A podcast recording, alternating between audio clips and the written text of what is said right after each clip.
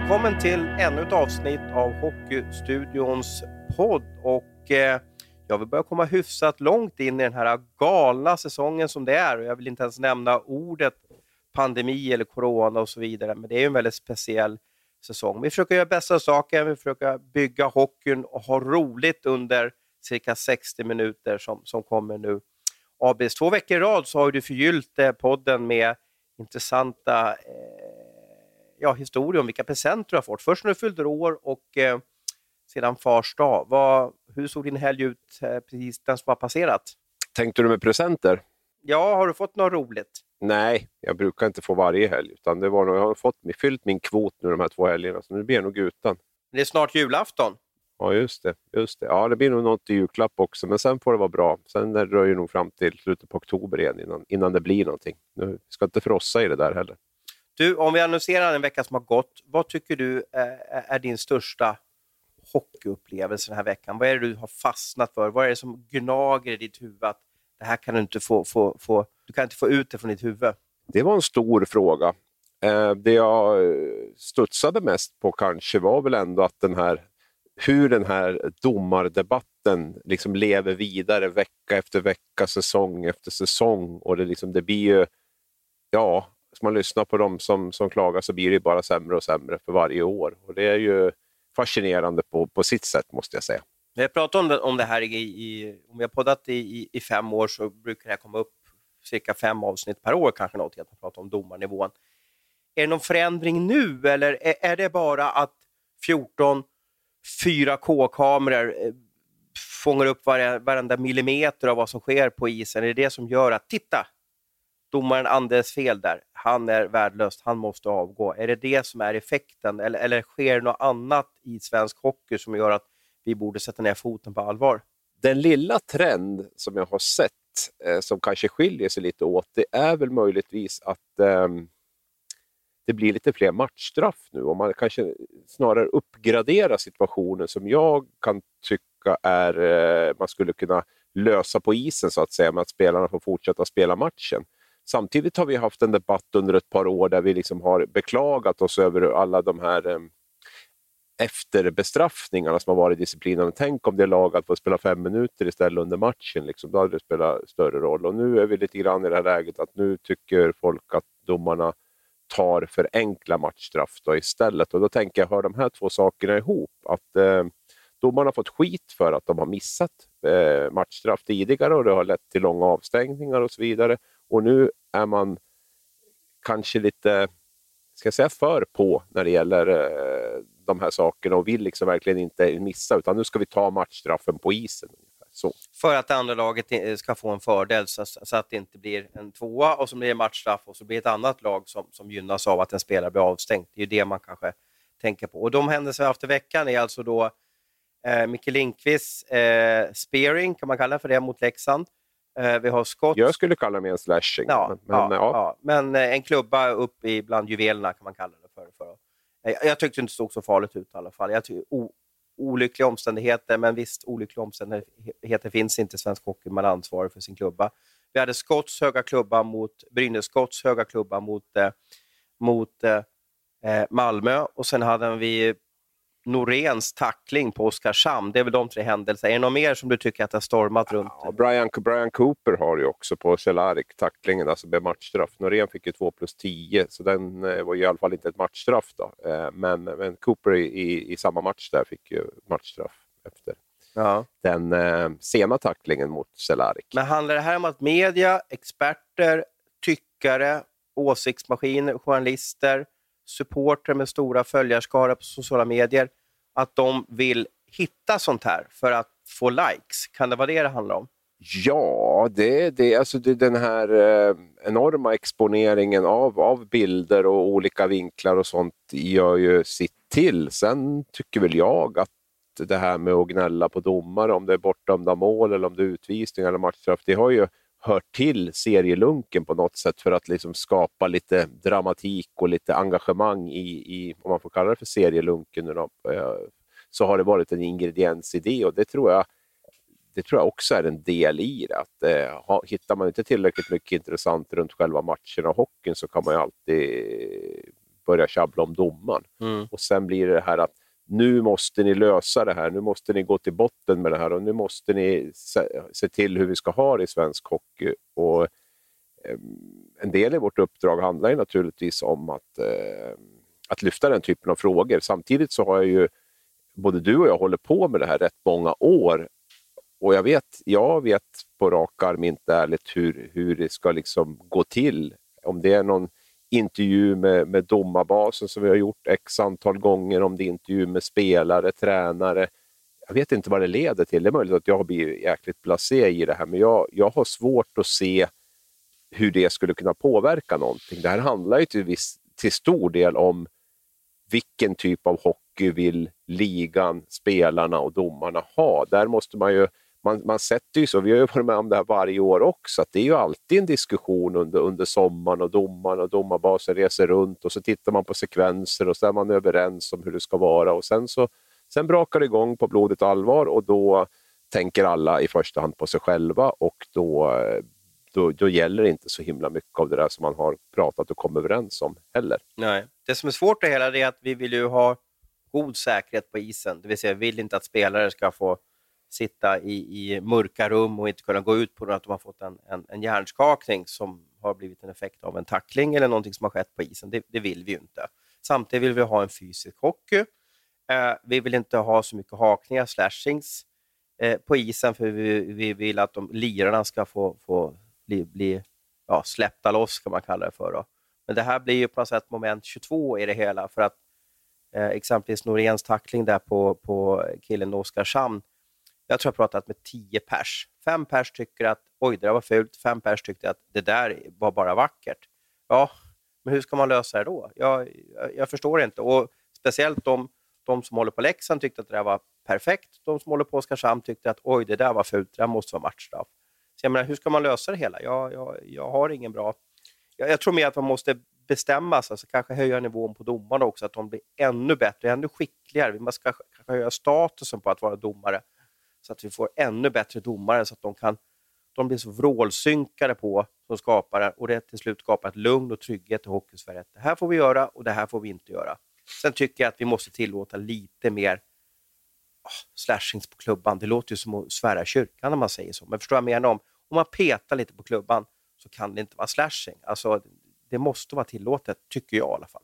Ja, det kan man tycka och eh, sen, sen jag kan känna att vi är kanske i en brytpunkt också på något sätt mellan den här lite mera gammeldags hockeyn och den här nya moderna hockeyn. Och den brytpunkten slår ju väldigt fel ibland, där vi har väldigt många som är kvar i den gamla och som, som, eh, som är uppväxt med det gamla. Typ som du och jag, eller det finns andra tyckare och tänkare och experter som, som också är i våran ålder. Och sen har vi den här nya generationen som kommer in och där det liksom är eh, noll ansvar i princip, utan man, man spelar hockey på ett helt annat sätt än, än det vi är vana vid och det vi har växt upp med och, och, och så. Va? Och eh, även en ny domarkår till stor del som, som, eh, som eh, är unga många, inte minst i Hockeyallsvenskan upplever jag att det är många unga nya domare som har kommit in i det här fyrdomarsystemet. Och jag, jag märker att det finns en ganska stor konflikt i hur man ser på hockey i stort och spelarnas agerande, inte minst. Jag,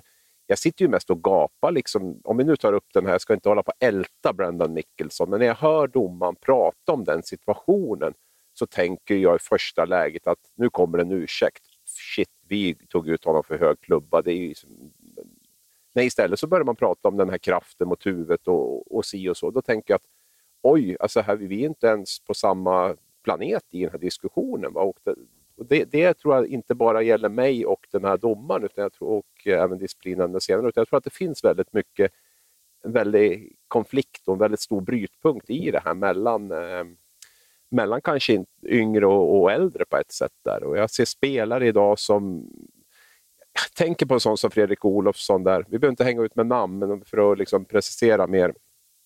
Om du hade åkt så för 10-15 år sedan och kom in i båset så hade du fått en rejäl avhyvling, helt ärligt alltså. Och sagt att vad fan håller du på med? Rätt åt det, hade man sagt åt honom. Är det mentalitet och, och, och, en korrekthet som är kompatibelt med 2020? Nej, det är det inte. Men, men, på ett sätt så är det ju lite learning by pain också. som, eh, som kan vara väldigt effektivt. Det gäller ju inte bara på en ishockeyrink utan det kan ju gälla även vid, vid sidan om. att Går du på, nitar, gör misstag eh, och får en, en, och eh, får liksom konsekvenser av det så, så, så lär man ju sig vissa saker av det där. Nu har vi ju fått in en hjärnskakningsproblematik i det här också som, som försvårades ihop med en, eh, en annan mentalitet tror jag också, där det, där är väldigt sällan är individens ansvar till, till någonting som händer. Så att eh, där, där finns ju en, eh, en ganska djup problematik som jag tror eh, gör att det här är väldigt svårlöst. Men om vi ska hitta en lösning känns... då? Eh, mm. I mitten av november 2020. Hur ska vi få så att, eh, eller, eller vill vi hitta en lösning egentligen? Eller vill vi ha känslor, debatt, engagemang runt, runt världens bästa sport? Ja, det är en jättebra fråga. Jag har ju varit inne på det tidigare när vi pratade om det här, att det finns ju en... Eh, det, finns ju en, eh, det kommer alltid en sån här debatt i, ett, i en lång serie för att eh, själva idrotten bär inte riktigt intresset fullt ut, eh, åtminstone inte på sociala medier. Så jag har ju varit inne på det tidigare, det här med, med tacklingar, open eyes-tacklingar. Det är väl ja, många trodde väl jag skämtade i början när jag pratade om det där, men jag är inte helt borta ifrån att det kan bli en konsekvens. Det vi väl pratat om tidigare, men, men att vi får ta bort dem för det blir för snedvridet med de här. Jag kan inte rekommendera någon spelare att åka runt och tackla idag när det är så otroligt eh, slumpartat som, som det är. Då är det bättre att låta bli, för du har ju mycket mer att förlora än att vinna. Förut kunde du ju vända en hel match med en sån tackling och, och, liksom, och risken att du blev bestraffad var ju extremt liten. Idag är det precis tvärtom. Det är ju jätterisk att, eh, att du blir eh, hårt bestraffad, både laget med fem minuter men även du själv då med avstängning, matcher och böter och sådär. Så det är, ju, det är ju inget att rekommendera för eh, fallhöjden är alldeles för, för, för stor. Risken är alldeles för stor. Så att, eh, jag tror vi går mer och mer mot ett, en liten knuff i sargen hockey faktiskt. Eh, jag hade spelade en paddelmatch i fredags, tror jag var, med, eh, eller mot Per Eklund och Anders Masken Karlsson. Det finns väldigt mycket hockey i de där två, mycket stor, mycket stor erfarenhet. Och givetvis tog vi upp eh, den här tacklingen, som eh, Open Ice-tacklingen som Norén delade ut på Oskarshamn. Och eh, de var inte ense.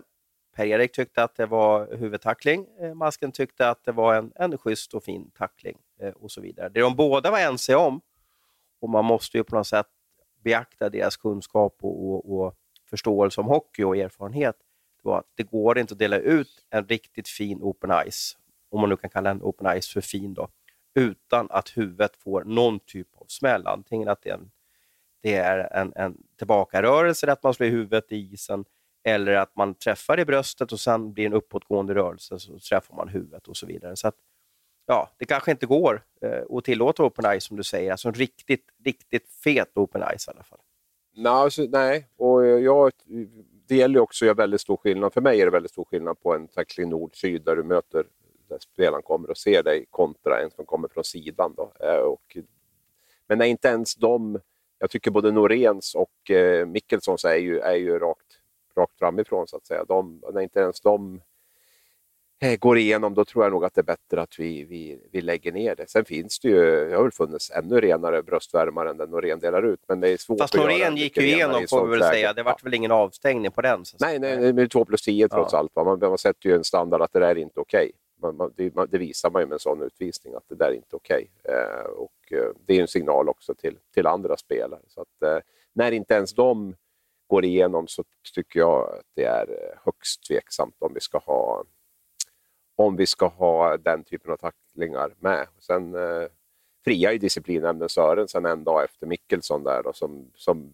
ja, den är ju trots allt från sidan. Sen tycker jag att det, för min del är det fine att man släpper den. Absolut, jag skulle kunna säga att man släpper alla den typen av tacklingar. Men då plötsligt, då tar man hänsyn till hur, hur eh, motståndarna agerar. Men när, men när Anton Heikkinen står och pimplar uppe i Örnsköldsvik, då tar man inte det. Och det skiljer alltså två dagar mellan de här besluten. Och då, jag har hyllat, inte hyllat kanske, men jag har berömt disciplinnämnden mycket. Men, men att, att man släpper två sådana beslut inom två dagar, det tycker jag är, det känns som man kanske hade någon typ av after work när man gick igenom Mickelson-fallet. Men jag, tro, jag tror också att du måste titta lite på att SHL har ju en lite mer proffsig organisation runt bedömningarna efter matcherna. Jag tror att Hockeyallsvenskan får nog pynta upp pengarna. Oh, men nu är ju, nu är ju Sörensen och Mikkelsson i Allsvenskan båda två. De, ja. de, de, tacklingarna är ju det är exakt samma, samma sak. Jo, men jag, tyck, jag tycker in. att Hockeyallsvenskan har inte riktigt, de har inte nått till samma nivå som SHL hur de ser på saker och ting. Nej, nej. nej absolut inte. De har inte tillgång till samma bilder, de har ingen situationsrum, man har ingen referensgrupp, man har ingenting sånt. Men nu jämför jag ju två exakt likadana fall.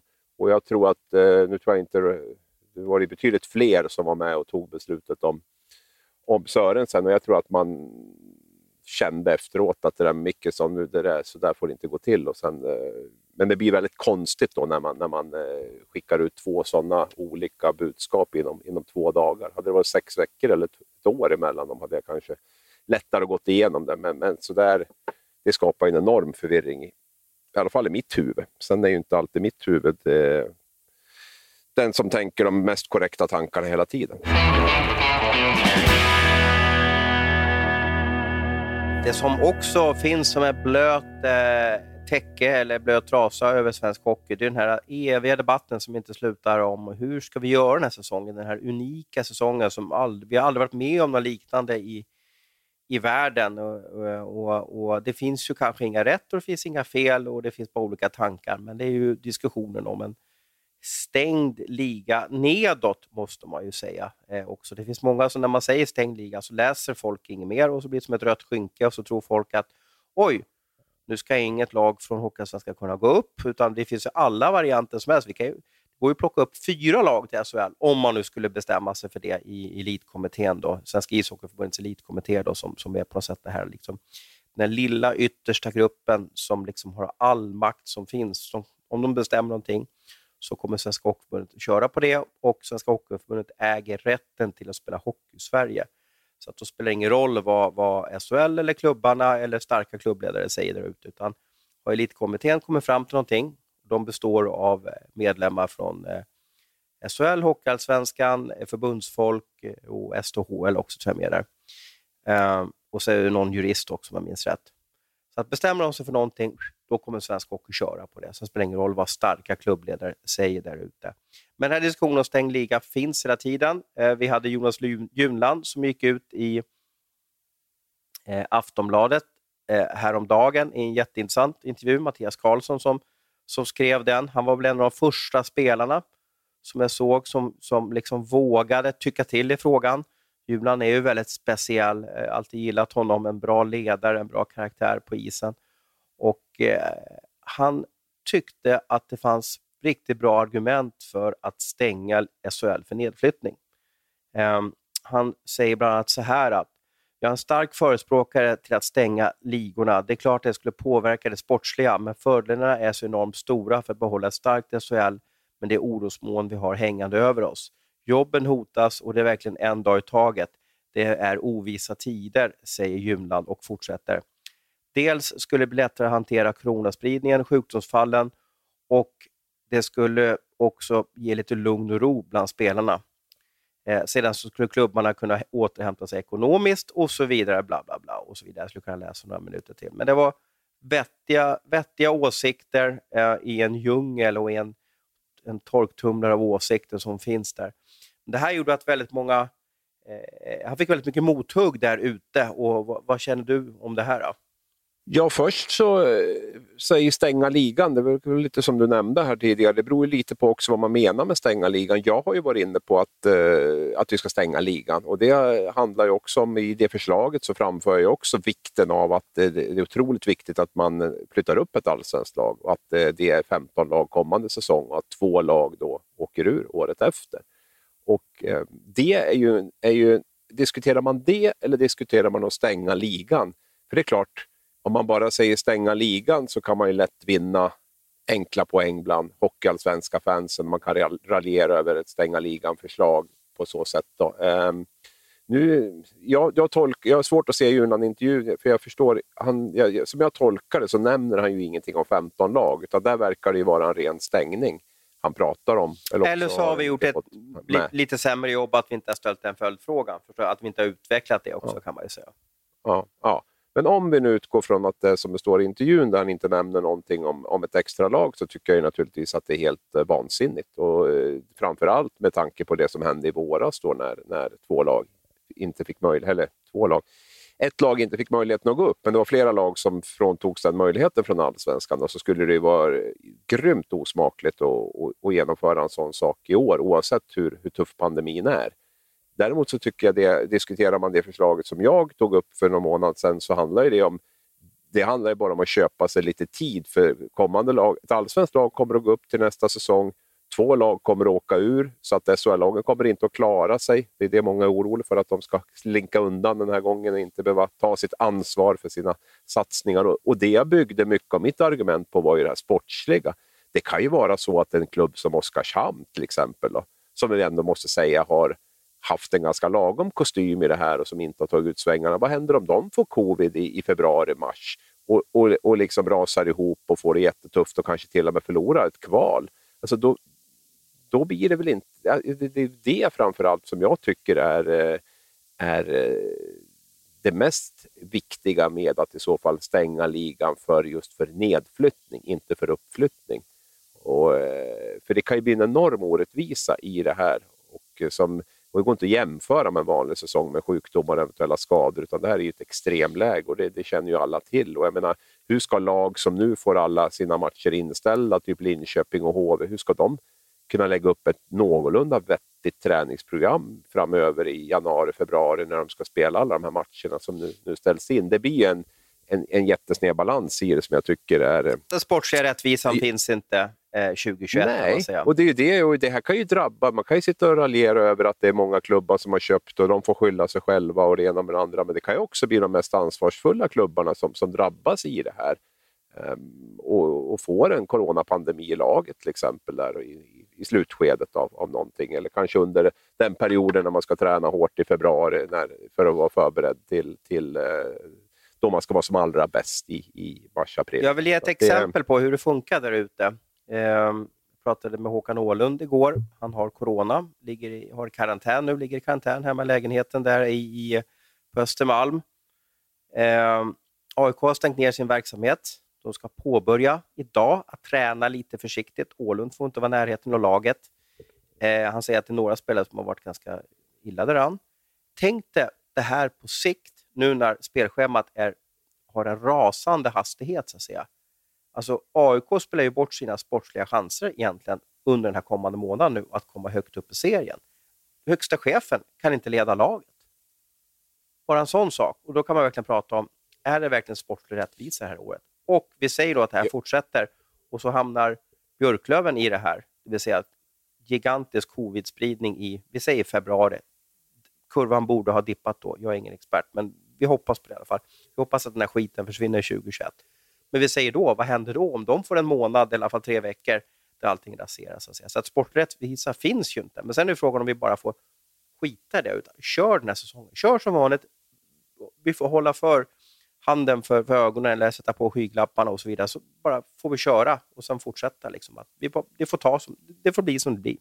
Ja, och den, alltså den ekonomiska vinningen har jag också varit inne på att den är ju inte jättestor. Men det är klart att vi ser ju redan nu, utan det, då skulle man ju ha tagit beslut i februari, mars, eller i mars i alla fall, och, och, och det här med och, och stängt för nedflyttning och så vidare. För att få för vem ska veta att vi skulle råka ut för det här? Alltså vem, vem skulle veta hur det såg ut i november? Ja, det fanns ju en pandemi i mars. Jag menar, vem, skulle, vem, vem, vem var mannen och beslutade att det såg bra ut i november, om vi säger så? Då? Ja. Vem, vem, vem jo, men inga, det? Det enda vi vet att vi inte vet någonting. Det? det är ju så det är. Så nej, nej, nej, men en andra, andra våg var ju ändå det var ju något som till och med jag fick med mig, men om inte är någon pandemibekämpare, så var ju tid, pratade man ju tidigt om att det kunde bli en andra våg. Och jag menar, man kan ju säga att ja, ingen visste hur det skulle se ut nu. Nej, men ingen visste väl att det skulle vara som vanligt. Men då skulle de ju inte öppna skolorna, då skulle, då skulle inte våra arbetsplatser, din och min arbetsgivare, öppnat upp och så vidare. Så då har ju hela samhället gjort fel kan man ju säga. Då är det inte bara hockeyn som gjort fel. Ja, men skolorna är ju ingen, smitt, är ju ingen smittbomb direkt. Det har väl varit, det är till och med de mest eh, restriktiva länderna. Alltså tidigare med Norge i spetsen har väl till och med skolorna öppnat nu, så det har väl ingen betydelse. Och arbetsgivare jag är ingen expert på det, men jag kan tycka att det är Nej, galet men, att skolorna men, men, alltså, Ja, men barn smittar ju inte speciellt mycket. Det Okej. finns ju inget som tyder ska på de det. Men vi sitta i kollektivtrafiken fram och tillbaka, sen kommer de hem och så smittar de föräldrar som jobbar på, i, vård, eh, i vårdyrken och så vidare. Så jag tycker att det är galet, men det har ingenting att göra med en hockeypodd. Så att säga, liksom. Ja, vi rullar vidare i Hockeystudions eh, eh, körschema idag och en intressant inlägg i debatten och lite hånet som finns, det underbara hånet som finns, som i alla fall jag tycker är lite roligt. Det var när eh, Växjö slog eh, eh Luleå i helgen och eh, i en underbar intervju, det, man fick nästan en känsla av att det var lite fejkat mellan eh, simor medarbetaren den, den sköne simor medarbetaren Patrik Westberg och eh, Växjös tränare Sam Hallam. Så vart det bara, ja men vi, kan, vi behöver väl inte återge vad som händer, vi kan väl lyssna på, så här lät det i, i lördags. Det enda jag kan eh, känna så här när man summerar här det är att ett gäng filmare med tre femmor kunde slå ett fantastiskt hockeylag. Så det är en bra lördag. Ja, jag förstår det. Du, avgörandet där också, Sam. Nähä, gick han då? Det var ju märkligt. Ja, Abris, hur ska man eh, tolka det här? Vad, vad är hemligheten bakom Hallams utspel? att han är väldigt eh, sårad och kränkt över Luleås tidigare uttalanden i samband med, med matchen mot, mot Växjö. Och att eh, blev väldigt mycket känslor efter, eh, efter att de nu fick trycka till Luleå och vinna den matchen då, i, hemma i Vida Arena. Eh, vi hade ju en historia, det finns ju en gammal historia som du också väl känner till med, med, med Brendan Shinnimin och Luleå där, som har funnits tidigare, där man har anklagat Växjö för för filmningar, inte minst Kinnimin. Sen fanns, finns det ju också ett färskt exempel i början på oktober när lagen möttes och, eh, och Thomas Berglund beskyllde, beskyllde Växjö för att, eh, för att filma tills utvisningarna i en periodpaus tror jag det var med, med, med där. Så att ehm, det där är ju något och Hallam eh, var ju förbannad redan då. Han, eh, han, han gav ju svar på tal där efter matchen och så. Och, ehm, tyckte att Luleå skulle städa framför egen dörr. Och det där har ju naturligtvis gått och malt och gnagt i, i Hallam sedan dess. Och därför var det väl också en, eh, ja, jag tror väl att en kombination av en planerad handling och eh, spontanitet som, som det blev, att, eh, att han gjorde som han gjorde. Du, eh, varför lämnar han bara sådär? Det såg ju ganska, det såg ju ganska oskönt ut. Han hade sagt det han hade sagt. Ja, men du vet när känslorna kommer, man kan inte alltid styra sina, sitt beteende. Jag tror att det var väldigt mycket känslor i, i gungning. Det kanske till och med hade varit någon liten ordväxling under, under matchen där också, så det var nog otroligt mycket känslor. Och jag tror att efter en sån där laddad match och en sån skön, ja, skön seger och så, så, så är, då är känslonivån väldigt högt uppe och eh, jag tycker det är helt underbart om jag ska vara helt Kan det, här bli Luleås, kan det här bli Luleås fall? De retar upp Frölunda, de retar upp Växjö. Ja, Eh, Ja. De har Djurgården lite som en antagonist också. Jag vet inte om det finns något Mm. mer. Ja, Skellefteå har de ju sedan, eh, sedan Sundsvall brann också. Eh, Mm. De sätter sig på en ganska hög pedestal det här. Är det, kan, det, kan det knäcka Luleå det här året att de har retat upp många klubbar? Eh, Jag tror inte att det är någon fördel för dem, men jag är lite förvånad. Jag följde ju... Jag vet ju att Thomas Berglund är en ganska tjurig, tjurig vinnarskalle som kanske inte alltid ser eh, helt nyktert på förluster och sådär. Eh, men, men samtidigt så tycker jag att han under åren varit ganska bra på att inte skapa den här typen av, av rubriker, just för det som du säger, att han vet ju också att det här är någonting som är extra tändvätska för motståndarna. Jag är ju inte ett dugg förvånad om Växjöledningen hade tejpat upp någon, eh, något, något klipp, någon löpsedel eller någon, någon eh, artikel från, från den här händelsen, Den där han anklagar dem för att filma till den, till den här matchen. Och jag kan ju lova att Frölunda är superladdad, extra superladdade varje gång de möter Luleå. Så så ditt svar på frågan är ja, jag tror inte att det är någon fördel för Luleå. Samtidigt är det ju jäkligt häftigt och kaxigt om man går i land med det, att både vara kaxig och dessutom eh, vinna. Då är det kanske en extra skön känsla. Så att, eh, men lite förvånad är jag att han eh, har stuckit ut som han har gjort det sista halvåret blir det väl här med, mot, mot flera konkurrenter. Och jag vet att just det där att anklaga ett lag för filma. Jag, jag såg en presskonferens mellan Färjestad och Frölunda. Det, det var walk in a park, det var så här liksom söndagsbrunch, det var så mystrevligt och allting. Sen på slutet, jag skulle precis stänga av min mobil, bandarfunktionen, inspelningsfunktionen på mobilen, så ger hon Dahlgren, han är tvungen att dra det här, men då bara voff smällde det till och så sa han att typ så här att ja, Frölunda är nog det laget som, som filmar mest på isen.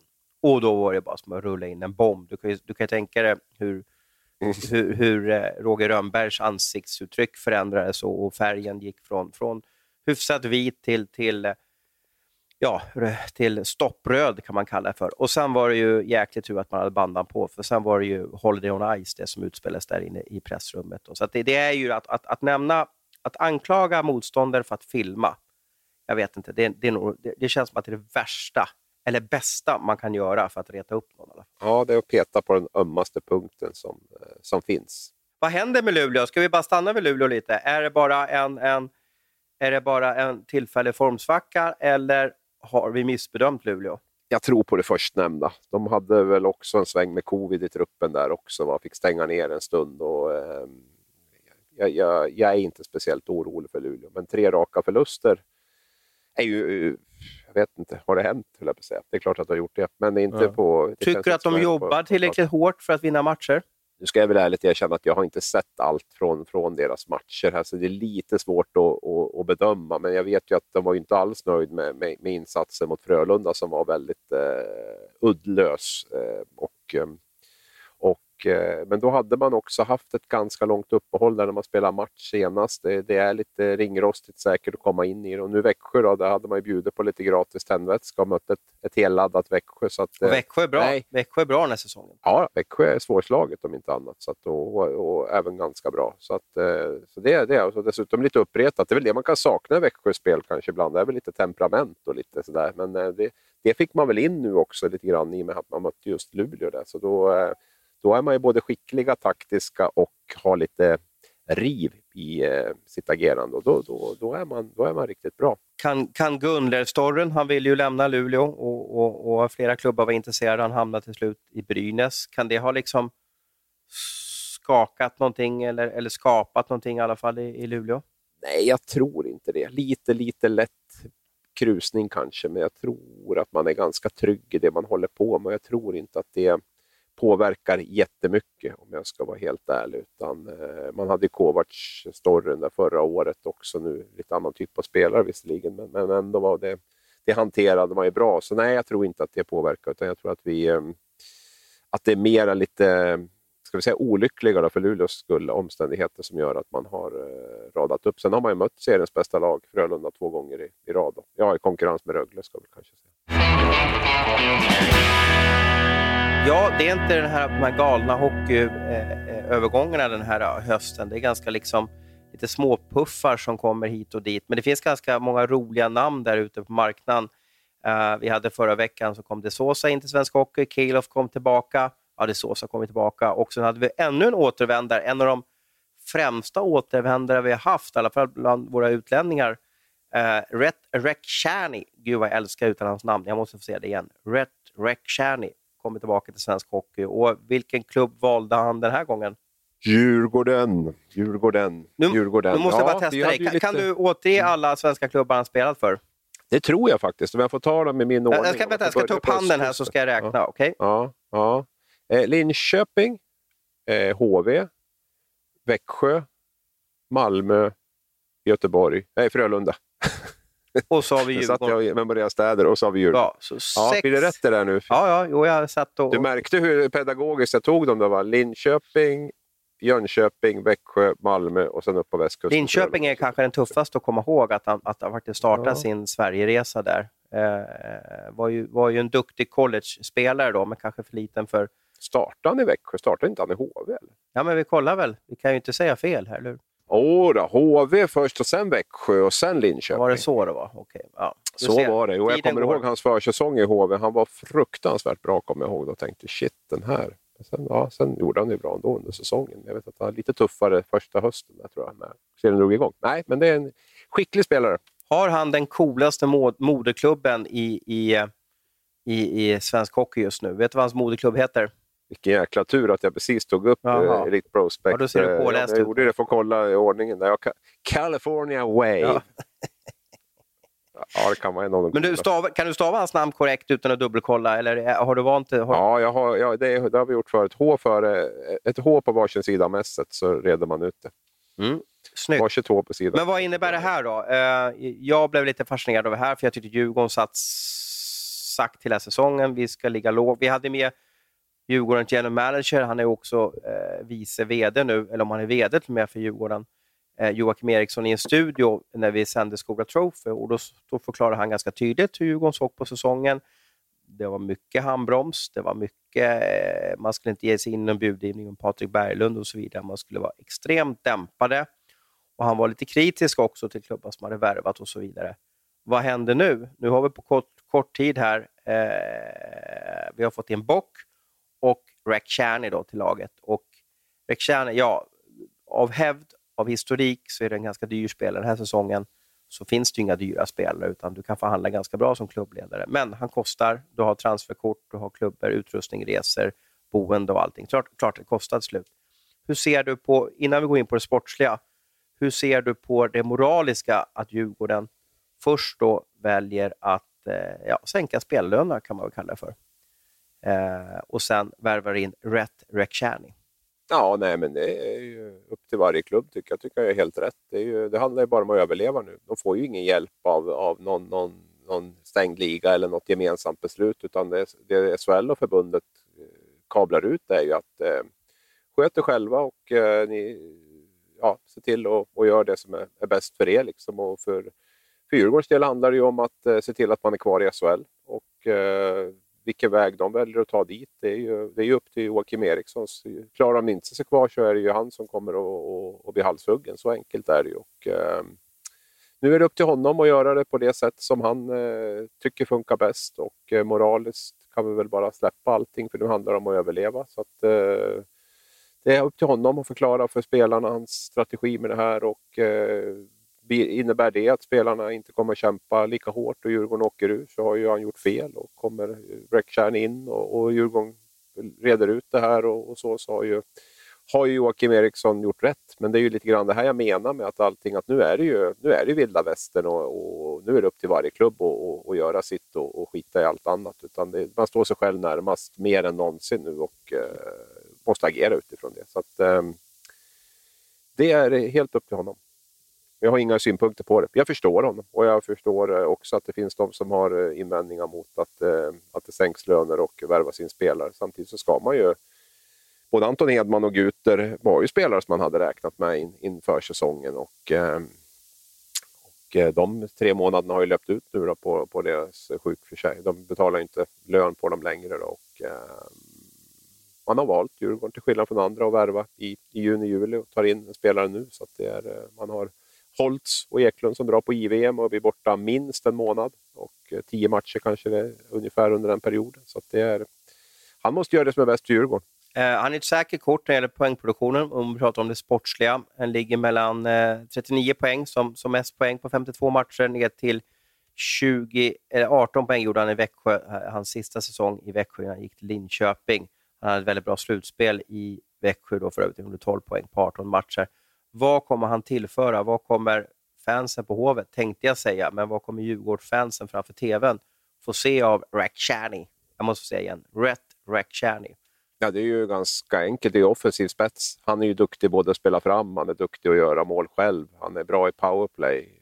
Han är väl kanske inte den vassaste backcheckaren i, i SHL, även om jag tycker att det blev bättre under tiden i Frölunda. Han har ett ganska eh, bra humör, tror jag, att få med sig in. Eh, kan också betyda en del i det här läget. Och, eh, men framförallt offensiv, offensiv eh, spets för, för Djurgården då, som de kommer att behöva, inte minst om Eklund och den form han är nu och Holtz också försvinner bort så är Djurgården rejält tunt på forwardsidan. Så det, det, det, är ju en, eh, en kropp till som kommer in, men det är dessutom en, en spelskicklig kropp.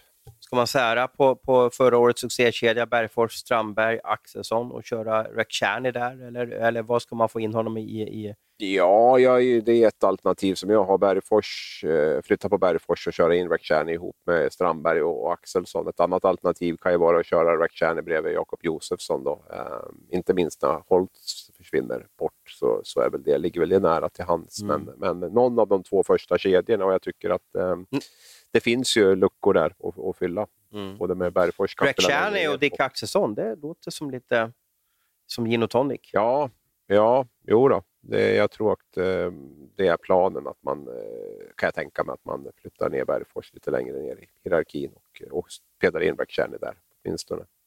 Så länge hållit sig kvar. Så det, det, är, det, är, eh, det är väl lite grann det det Djurgården kanske behöver få in, få lite fler som kan vara med och, och bidra och eh, producera. Så att, eh, jag tyckte ju att eh, det laget man ställde på truppen som var till var ju lite för mycket lite för mycket begränsade brunkande spelare där och då hade jag även Hedman inräknad där. Jag hade Guter som hade tappat allt målsinne han hade i Karlskrona och sådär. Så det, det känner jag att nu är man nu är inte de längre med i truppen när man får in en spelare som, som tillhör topp 6 bland forwards, så blir balansen bättre också. För, för eh, gnuggare där nere har man, har man gott om med allt från eh, Kalle Östman till Tom Vandell till Albin Greve, Hen Henrik Eriksson, Oskar Björselius. Alltså, så det, det, det, är ju framförallt de behöver spetsa till lite grann. Riktig sköning också. Men du, jag måste, en liten följdfråga till det här. Jag skrev det här i vår interna Slack igår. Slack är vår jag vet inte om det är Media Sveriges informationskanal om det, eller om det har liksom tagit över varenda eh, arbetsplats i Sverige just nu. Men man håller inte på med sms och mejl längre, utan man skickar någonting via Slack, då, som det heter. Så jag skrev i Slack, vad händer nu?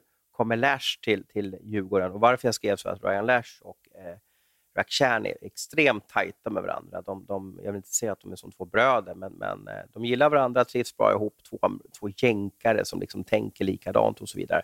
Kan Lash dyka upp i Djurgården nu? Han, han gör supersuccé i, i, i finska ligan, måste jag säga. Han har, på slutet så har han öst in poäng. Jag tror han ligger ett eller tvåa i, i, i poängligan där, trots att han har lite färre matcher spelare än de andra. Alltså, han gör supersuccé i Finland.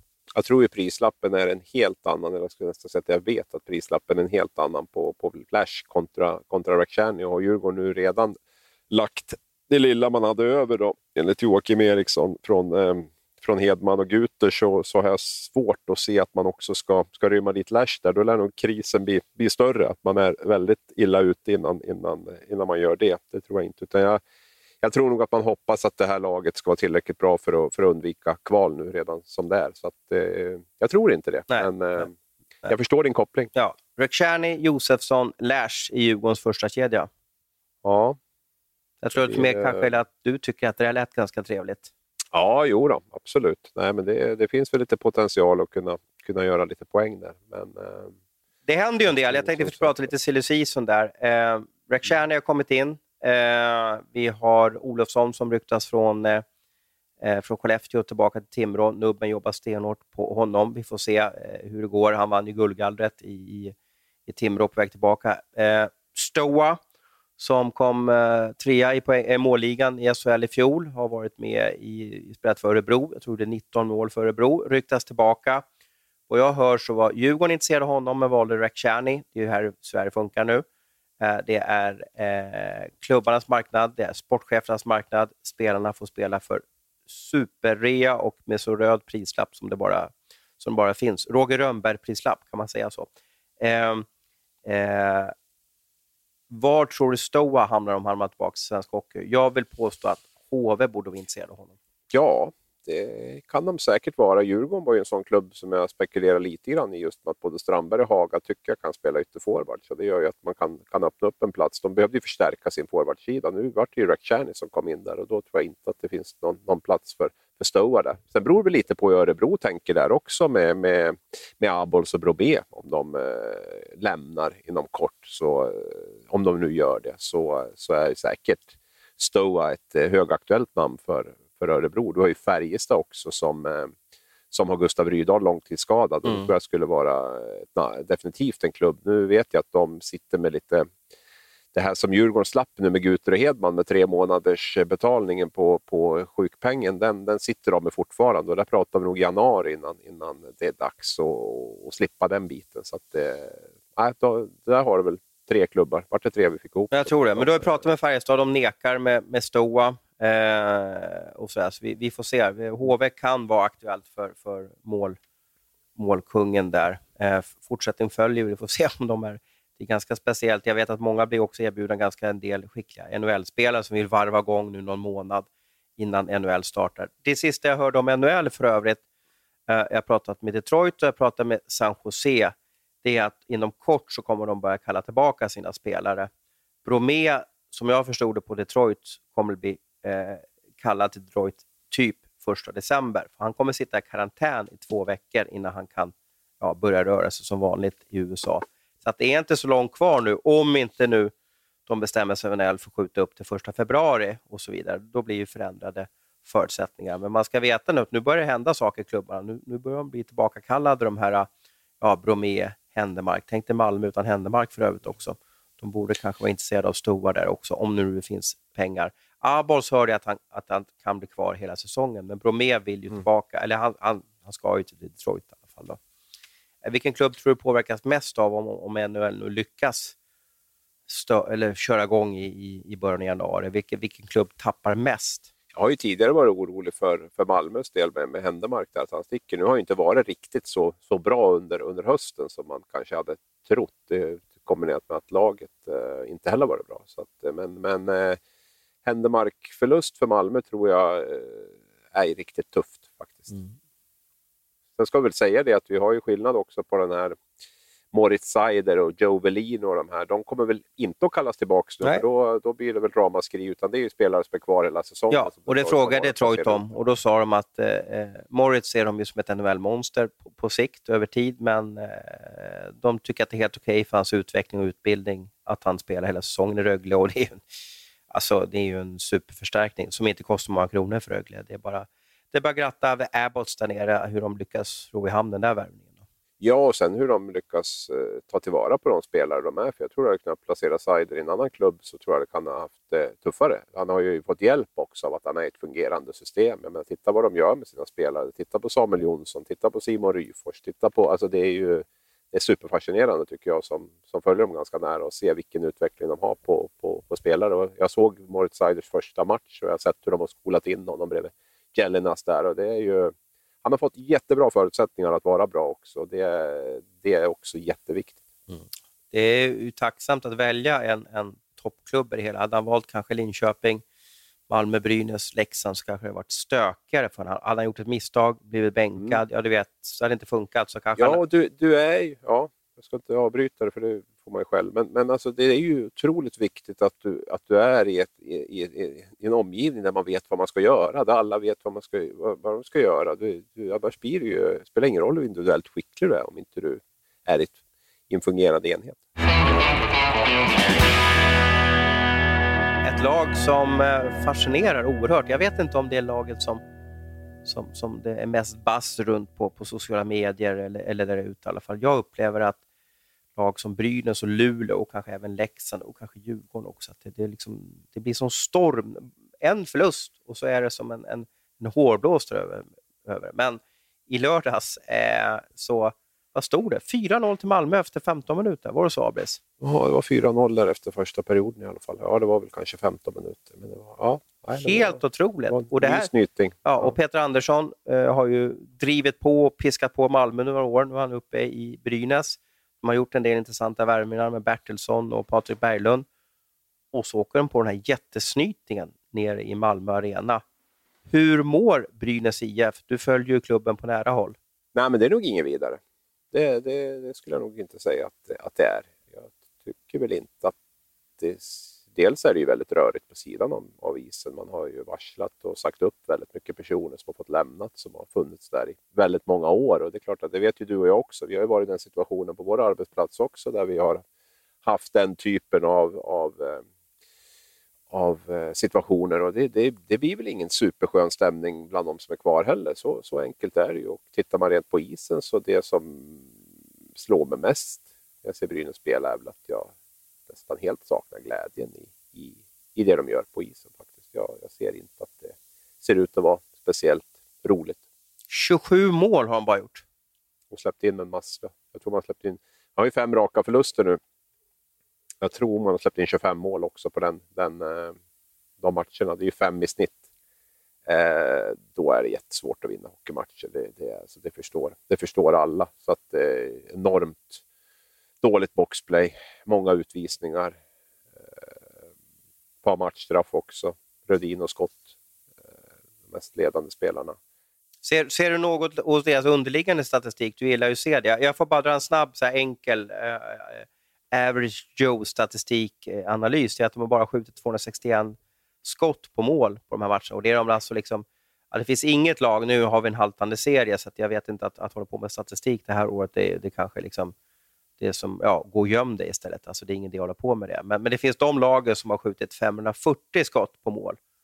Eh, Frölunda nämner jag där. Och, då, och alltså Brynäs skjutit 261 skott. Men sen vet jag inte, skott lönar sig, det vet jag inte heller. Så att, kör, hur, hur ser dina underliggande ja, nej, men det, som är, det som är mest anmärkningsvärt är ju trots allt Corsin, alltså som ligger på eh, historiskt låga nivåer. Jag tror 43 eller någonting sånt här. Alltså då är vi nere på Karlskrona-nivå, Oskarshamn förra året och lite sådär. Alltså det, den är ju, och det handlar inte bara om, det vi kan säga under de här fem förlusterna så har ju Corsin varit högre, jag tror lägga på 47 procent någonting. Så att det, det säger ju definitivt inte allt, men det vi vet är att om du ligger på de nivåerna som de gör, nu är det tidigt, det ska jag säga, så är det ju det går inte att undvika en kvalplats om du, om du, om du ligger kvar där. Det är i princip omöjligt. Så att, eh, de behöver ju definitivt bli, eh, bli mer spelförande. och Det är väl det jag känner med deras spel, att de, de har ju för lite puck. Och det gör ju i sin tur också att man,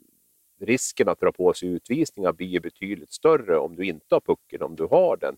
För det är ju näst, det är svårt att dra på sig utvisningar när du har pucken. Det, det ska vara någon offensiv tackling möjligtvis eller, eller, eller någon, någon, eh, någon screen eller någonting sånt här alltså som, som du kan åka på en interference. Men men där, där, har, där blir de ju hårt straffade i utvisningsstatistiken också då, till stor del för att de inte har puck och inte är spelförande. Jag tycker att i vissa situationer så vinner man puck på ett bra sätt men, men man vårdar ju den inte överhuvudtaget utan man, man sprätter ju iväg och, och tappar pucken lika fort igen. Sen, eh, sen är det ju inga lätta ben heller. Eh, två matcher mot Rögle, eh, även om jag dubbelkollade då och eh, jämför man Rögles frenesi och eh, i åkning och allting där man vinner tillbaks puck i backcheck och hela den biten så är det ju eh, en enorm skillnad. Alltså, jag såg ju hemmamatcherna, det man ska säga med Brynäs är att man har ju sex poäng som man egentligen inte skulle ha. Eh, både Skellefteå hemma och Rögle hemma var ju man ju totalt utspelad och fick ändå med sig segrar till stor del på grund av Samuel Erssons målvaktsspel. Så att, eh, eh ja, det, det, är inte direkt att man har mindre poäng än det man skulle ha, utan snarare tvärtom. Man har snarare sex, sex poäng mer än, än det man skulle ha. Då förstår man ju att det kunde ha sett riktigt illa ut och statistiken bygger mer upp för att man skulle ha 6-7 poäng efter de här omgångarna, att man har de här 12 man har nu eller vad det är. Så att, eh, så att det, kunde, det kunde ha varit, det är väl enda trösten kanske, att det kunde ha varit betydligt värre. Malmö-Brynäs. Det, det, är överraskande. Det är överraskande för mig, det måste jag säga, att, att det ser ut på det här sättet. Jag har ju själv eh, tyckt att Peter Andersson var ett väldigt bra val för Brynäs och det tycker jag väl fortfarande. Men någonting i den här övergången till hans sätt det, det, kan, det, blir lite som att en elefant har kommit in i en porslinsbutik nu. För jag, jag tycker man har velat förändra väldigt mycket väldigt snabbt och det kan ju finnas en problematik i det, inte minst en sån här säsong där du inte kan byta ut spelare i stort sett på grund av coronan, utan du är ju beroende av de ledande spelarna du har. Och får du inte med dem på tåget eh, under i alla fall en kort period här nu den här säsongen så, så, eh, så blir du väldigt sårbar. Och tittar man på på de ledande spelarna så är det ju inte direkt så att de går i bräschen och ser ut att tycka att det är jätteroligt heller och då, då blir Brynäs sårbart. Sen är jag ju helt övertygad om att det behövs eh, få in en, en, en, annan träningskultur och ett annat sätt att, att jobba dagligen. Så, och det är väl det som man har, har satt igång där. Men, men eh, jag, känslan är att det kanske har gått lite väl fort och lite väl brutalt. Så här skrev Uffe Bodin om, eh, om Brynäs. Mer helheten i klubben, att leva på gamla anor. Uffe Bodin, chefredaktör på, på Hockeysverige för övrigt. Mer helheten i klubben, att leva på gamla anor, att man varit en storklubb är farligt, kan lätt leda till dåliga vanor och lättja. tyckte jag var vettiga ord faktiskt. Ja, och det där är väl någonting som vi har diskuterat i väldigt många år just gällande, gällande Brynäs. Det är ju inget och det, så är det ju. Nu är det väl kanske en annan problematik på det sättet att nu har man ju fått in en, en, eh, en tränare som är väldigt liksom, har en väldigt tydlig linje vad han vill göra och pekar med hela handen och, och ska förändra någonting som, som man har kommit fram till eh, inte fungerar. Och, eh, han har kanske en uppförsbacke på 5, 6, 7 år om man räknar bort två år med Thomas Berglund där, där Brynäs har legat efter i allt när det gäller träning, när det gäller i statistik, när det gäller i taktik, när det gäller i dagliga vanor och allt sådär. Så, så det är ju en, det är en grym uppförsbacke. Och där måste man nog ha lite fingertoppskänsla eh, den resan man ska göra, lite som jag var inne på. att det, det, Vissa spelare är du lite beroende av den här säsongen och eh, måste göra det lite halvsnyggt för att ändå ändå eh, halka med hyggligt i, i, i tabellen där. Men eh, sen har det funnits en övertro, det har jag sagt hela tiden, på det här med att värva spelare dit och det är fansen tycker det är fantastiskt när man, när man köper in eh, häftiga namn och sådär. Det, det handlar ju väldigt lite om, om namn idag i SHL om inte du har eh, det, det fundamentet att, att stå på. Det, det är mycket mer en, en taktisk tränarliga än vad det är några individuella lirare som åker runt och, och avgör. Det är väl Frölunda kanske ett bra exempel på i år om vi ska ta dem där. Du har ju även, även Rögle och Luleå som är ganska maskinmässiga lag och där man har jobbat väldigt länge med, med, med bra, bra saker, inte minst i Frölunda. Då. Luleå och Rögle har väl kommit de senaste åren. Så det där, och där står man ju lite grann nu. Och, eh, men som sagt, att det skulle se så bedrövligt uselt dåligt ut offensivt med så pass ändå många skickliga spelare, det var nog inte så många som hade, hade gissat på. Nej, vi får se vad som händer i alla fall där. Vad bra. Är det något mer du vill ta upp under den här podden? Är det något mer du vill lätta ditt hockeyhjärta eh, för? Är det något som du känner mer innan vi avrundar och eh, fokuserar på massa stenar som vi ska vända på och dra fram vettiga och bra grejer kommande vecka? Nej, det är väl, vi var inne på det nu med, med besvikelser i tabellen. Vi kan väl ge, jag vet inte, det blir lite tjatigt kanske, men, men eh, vi ska väl, man ska väl hylla dem de lag som gör det bra också. Det känns väl som att det utkristalliserar sig mer och mer vilka, vilka klubbar det är som, som eh, kommer att vara med där uppe och eh, som, som gör det bra. Och jag, jag tycker att eh, Frölunda är Frölunda och Rögle på något sätt blir lite grann i en eh, i klass för sig, även om jag tror att Luleå också kommer att vara där uppe. Men, men, men de tre känns ju enormt gedigna och starka. Sen får vi se Örebro, det är ju det är också ett spännande lag tycker jag. Men vi har varit inne på Abels och Bromé tidigare där, men om de orkar liksom hålla, hålla den nivån. Men det är de, de, de tre som eh, Frölunda, Rögle och, och Luleå, där tror jag vi har topp tre. Mm. Frölunda, deras eh, lägstanivå är ju liksom ja, som många andras toppnivå. Jag tycker att de, ja. jag såg deras match mot Linköping eh, här, de gör ingen supermatch vinner skotten, eh, har lite koll på läget, eh, vinner med 3-1 öppen kasse. Och vem gör mål i öppen kasse? Ja, Jens Olsson, som har varit lite bespottad och man funderar på varför värvar de honom. Så att de lyckades ju hitta liksom på något sätt, sätt att, att få ordning på grejerna. De har två målvakter som man tycker, vad är det där för målvakter? Va? Men de går in och levererar. Rubin har blivit landslagsmålvakt nu också.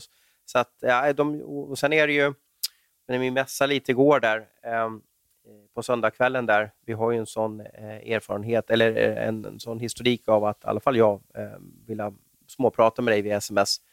Och när jag tittar på deras djup på talangnivån där, eh, du får hjälpa mig om jag missar någon nu, Niederbach, Raymond, Karl Henriksson, eh, Elmer Söderblom, eh, Lusell, eh, Edvinsson, är han där också eller? Ja, då. ja. Niederbach. Ja, Niederbach. Alltså, herregud vad många som står och knackar och vill in i, i A-lagstruppen. Duktiga U18 och J20 landslagsspelare. Alltså, det där är en ynnest att ta hand om. Sen kan det vara ganska svårt att ta hand om när du är så många. Välja rätt. Vem ska du tro på? Vem ska du inte tro på? Vem ska göra speltid? Men tänk dig alla NHL-pengar de kommer få framöver också. Det, det, det kan inte gå fel för Frölunda översikt. Alltså, det kan inte göra det. Nej, och det du nämner i början här med deras stabilitet och och så vidare. Det är ju en frukt av den här, det här långsiktiga arbetet som man har gjort där man för varje säsong har, har tagit steg och där man analyserat sin, sin verksamhet och förfinat och putsat på och, och gått vidare. Så det, det, det är ju en, en seger för, för den här långsiktigheten. Sen är det ju alltid, finns det alltid ifrågasättande runt eh, auktoritära ledare som, som har varit länge i en klubb. Och det har väl gnytts och, och gnällts över, över Roger Rönnberg och, och från vissa. Alla älskar inte honom och alla talanger älskar inte Frölunda och tycker man får för lite speltid. Men, men man har trott på sin linje, hållit väldigt hårt på den och jag, jag är bara, det är bara att, eh, och lyfta på hatten där. Sen eh, för det är, det är, mycket, det, det är mycket det det handlar om. Alltså det, du, du, du, blir inte, du bygger inget över en säsong, utan det handlar om att först bygga det här fundamentet och sen därifrån finjustera utifrån det. Och då, då blir det också ett väldigt bra grundserielag. Sådär, vi har passerat 61 minuter och det är dags för oss att, lägga på, gå vidare, fokusera på, på vardagen. Eh, oj, jag hörde en hostning där. Det är ingen covid va? För det har du ju redan haft. Nej, jag försökte hålla undan. Det var så torrhosta. Okej, ja, ja. Slut på kaffet. Ja, precis. precis. Du, eh, tack för pratstunden Abris och nu ser vi till att ha en riktigt häftig hockeyvecka här fram, framför oss. Och tack ni lyssnare för att ni var med oss idag.